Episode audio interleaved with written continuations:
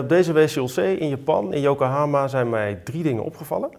Uh, alle drie hebben ze te maken met uh, biomarkers. De eerste twee biomarkers hebben te maken met immunotherapie. Tweede, of de derde immunomarker, biomarker heeft te maken met ALK, TKI.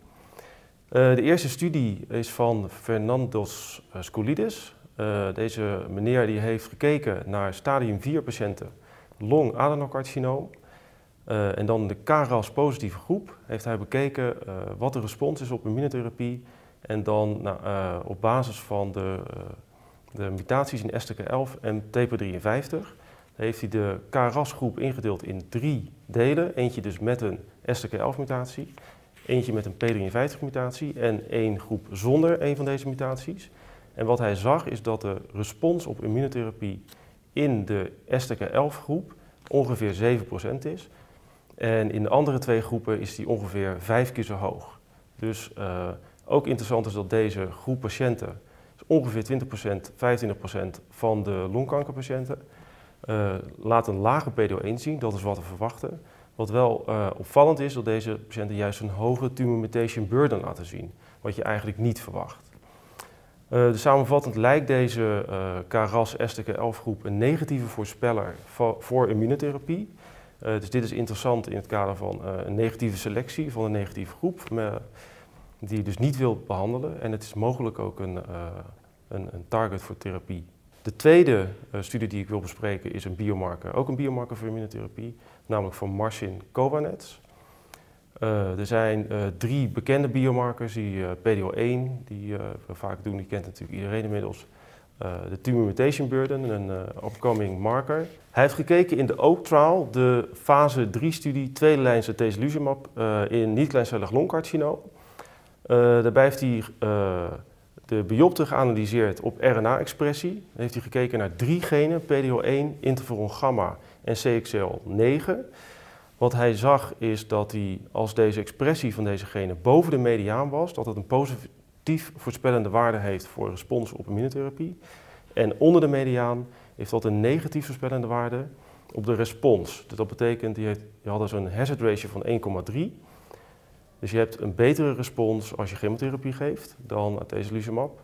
Aan de andere kant, voor de overall survival lieten ze zien dat boven de mediaan en zowel onder de mediaan als boven de mediaan dat er een voordeel was voor atezolizumab.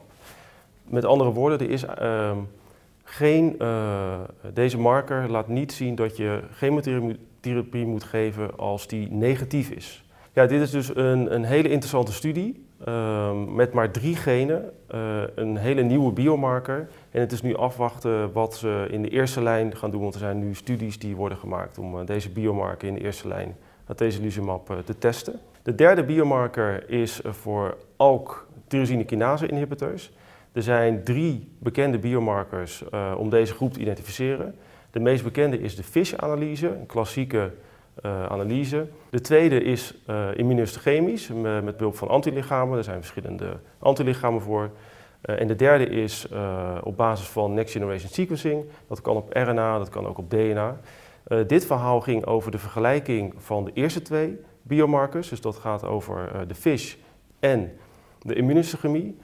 Daar hoort een klein stukje voorgeschiedenis bij. In het UMCG heeft Antoni van der Wekken aangetoond dat als je een positieve fish hebt, maar een negatieve immunohistochemie, dat je vrijwel geen kans hebt op respons op TKI. Dan blijft er nog een andere groep over, namelijk als je positief bent immunohistochemisch, maar je bent negatief voor de fish, wat, wat doet het dan en waarom is dit belangrijk? Uh, als je met immunohistochemie wil gaan screenen, dan wil je niet dat je deze groep onderbehandelt. Tony Mok heeft gekeken in uh, de ALEX-studie, de eerste lijns uh, alectinib-studie.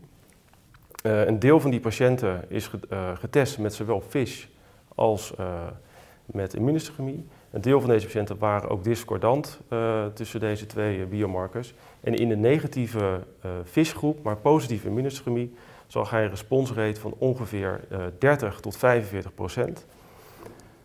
Als je dan kijkt naar wat de responsrate is voor chemotherapie in deze groep, is dat ook ongeveer 45 procent in de Profile 10-14 studie. Uh, de conclusie van hem was dan ook dat immunohistochemie een robuuste marker is voor de identificatie van deze groep en dat je niet patiënten onderbehandelt met een kleine disclaimer dat dit weinig patiënten zijn, maar er zijn in ieder geval geen aanwijzingen dat het niet zo is.